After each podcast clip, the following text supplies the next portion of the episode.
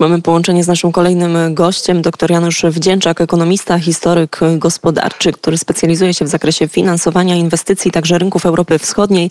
Dzień dobry.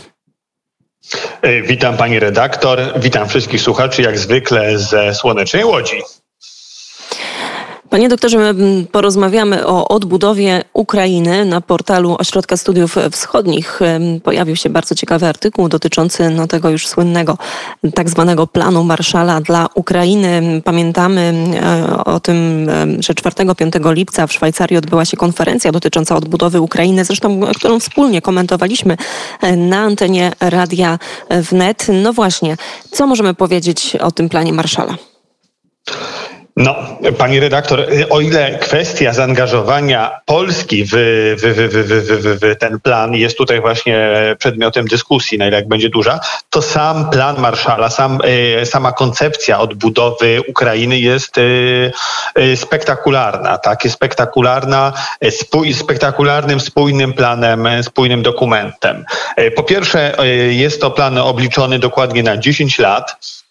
Y, który dość precyzyjnie określa poszczególne etapy i najważniejsze y, działania, które mają być podjęte przez, przez te 10 lat. No, najważniejsze to właśnie y, zwiększenie obronności i bezpieczeństwa. Tutaj mają iść bardzo duże środki na, na poprawę bezpieczeństwa Ukrainy, na zagwarantowanie jej rozwój gospodarczy właściwy. Tak? I tutaj mamy właśnie aspekty takie związane jak właśnie z przemysłem, z sektorem usług, również kwestie związane z energetyką, tak? i tak zwanym bezpieczeństwem energetycznym energetycznym, ponieważ e, Ukraina dotychczas była bardzo powiązana z Rosją. E, zaproszenie właśnie inwestorów zagranicznych, integrację gospodarczą z Unią Europejską e, i tutaj rozumiemy nie tylko taką integrację europejską poprzez jakieś procesy negocjacyjne, ale również tak zwaną integrację logistyczną, czyli powiązanie Ukrainy z Europą, głównie poprzez właśnie Polskę i Rumunię, licznymi połączeniami, czy to drogowymi, czy kolejowymi, a także odbudowę zniszczonych regionów. No właśnie, to mm, e, wszystkie te ustalenia w Lugano można powiedzieć, że nie, nie dotyczą jedynie planu odbudowy Ukrainy, ale e, dotyczą też e, tak naprawdę stworzenia, można powiedzieć, zupełnie nowego państwa. Ogromne projekty infrastrukturalne, całkowita transformacja gospodarki. Pytanie w takim razie, jeżeli udałoby się naprawdę ten plan chociaż w dużym stopniu wdrożyć w życie, to gdzie będzie miejsce Ukrainy w tej Europie Środkowo-Wschodniej? Jak to może być e, silna e, gospodarka? No i też e, w tym kontekście pytanie, czy być może to będzie jakaś konkurencja dla gospodarki polskiej? Myśmy rozmawiali tutaj jakiś czas temu o tym, czy, czy, czy sytuacja na Ukrainie też może być dla Polski pewną szansą, aby ona była tym liderem w Europie Środkowo-Wschodniej. Teraz podobne pytanie być może zadaje sobie już Ukraina. Panie redaktor, no, po pierwsze trzeba zwrócić uwagę, że niestety Ukraina e, jeszcze przed rozpoczęciem wojny była krajem względnie, e, no może nie ubogim, ale, ale, ale biedniejszym dużo od Polski. Tak nie ma co ukrywać, że PKB Ukrainy było e, wielkości kilku powiedzmy sumowanych PKB kilku, kilku województw polskich, tak? Więc ta przepaść między Polską a Ukrainą, o ile w, w momencie, kiedy Związek Radziecki upadał, była ona minimalna, to przez te ostatnie 30 lat polska gospodarka gospodarka, e, częściowo dzięki własnej pracy, częściowo dzięki integracji unijnej, e, czy integracji uczestniczeniu w rynku europejskim, niesamowicie się rozwinęła. Więc ja bym tutaj, powiem szczerze, no, odrzucał tego typu pomysły, że to Ukraina może na tym skorzystać i się rozwinąć, a Polska nie. Polska się rozwija niesamowicie, e, znaczy może nie, już nie niesamowicie, ale rozwija się bardzo szybko, tak, i ten rozwój widać, że jest znaczący, gospodarczy. A co do samej odbudowy Ukrainy, pani redaktor, ja bym sobie pozwolił tak trochę przewrotnie odpowiedzieć, że to troszeczkę wyjaśni, znaczy zdecydowanie to wyjaśnia, czemu e, Rosja tak jest e, e, tak niechętna temu kierunkowi, któremu Ukraina ubrała, który wybrała Ukraina, a, a, także nie ma co ukrywać takie państwa jak na przykład Niemcy, ponieważ jeżeli Ukraina zrealizowałaby ten swój plan Marszala przez ten 10 lat, to mielibyśmy nagle, to Rosja miałaby przy swoich granicach dobrze rozwinięte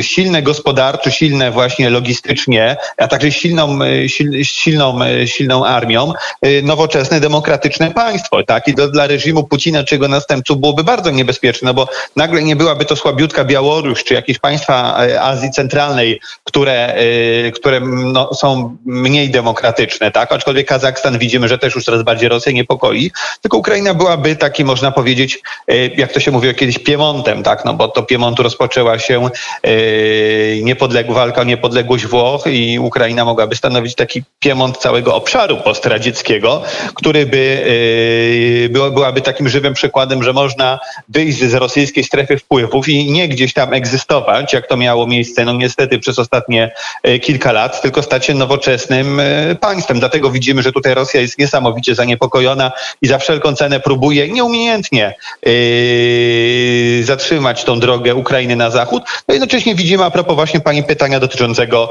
yy, relacji z Polską. Gdyby Ukraina z Polską zbudowała taki silny sojusz, silną współpracę, no byłoby to yy, olbrzymim zagrożeniem dla dominującej pozycji Niemiec w Europie, w całej Europie, tak nie tylko w Unii Europejskiej, więc widzimy też, że Niemcy niezbyt są zainteresowane, bo wydaje się, że raczej ta silna Ukraina by jeszcze bardziej wzmocniła Polskę, a nie stanowiła jej konkurencję.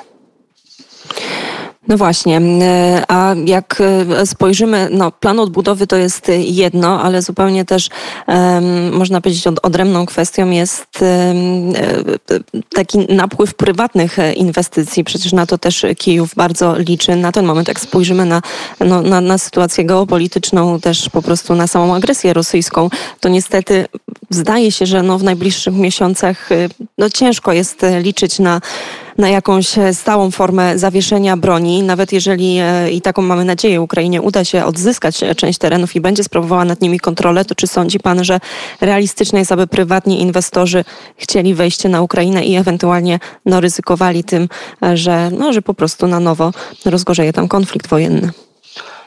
Pani redaktor, ci inwestorzy nie dość, że y, chcą tam wejść, to oni y, już tam fizycznie są. Tak, oczywiście nie mówię o inwestycjach, ale o przedstawicielach inwestorów. Ja mam y, czasami okazję bywać na terenie Ukrainy, tak już mówię oczywiście po rozpoczęciu konfliktu.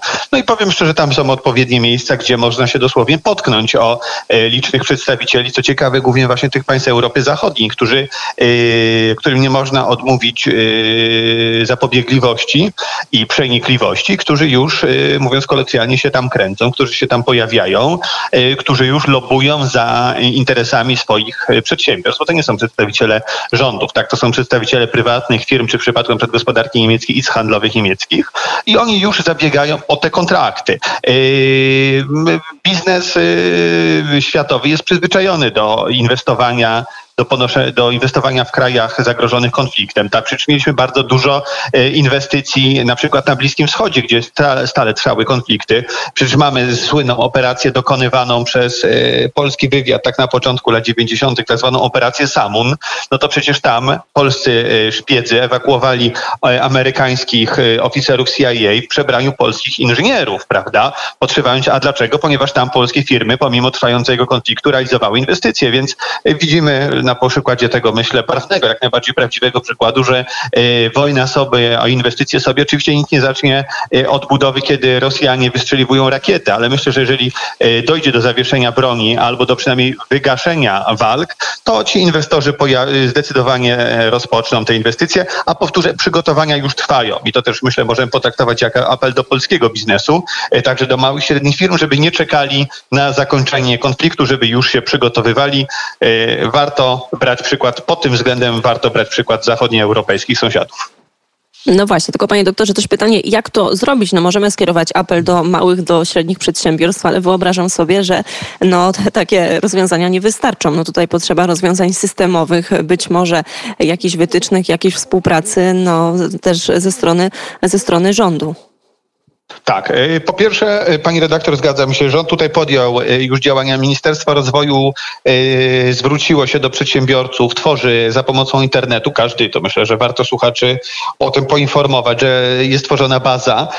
Można w internecie znaleźć na ten temat informacje na stronie albo Ministerstwa Rozwoju, albo Polskiej Agencji Inwestycji i Handlu, tak zwanego PAIH-u.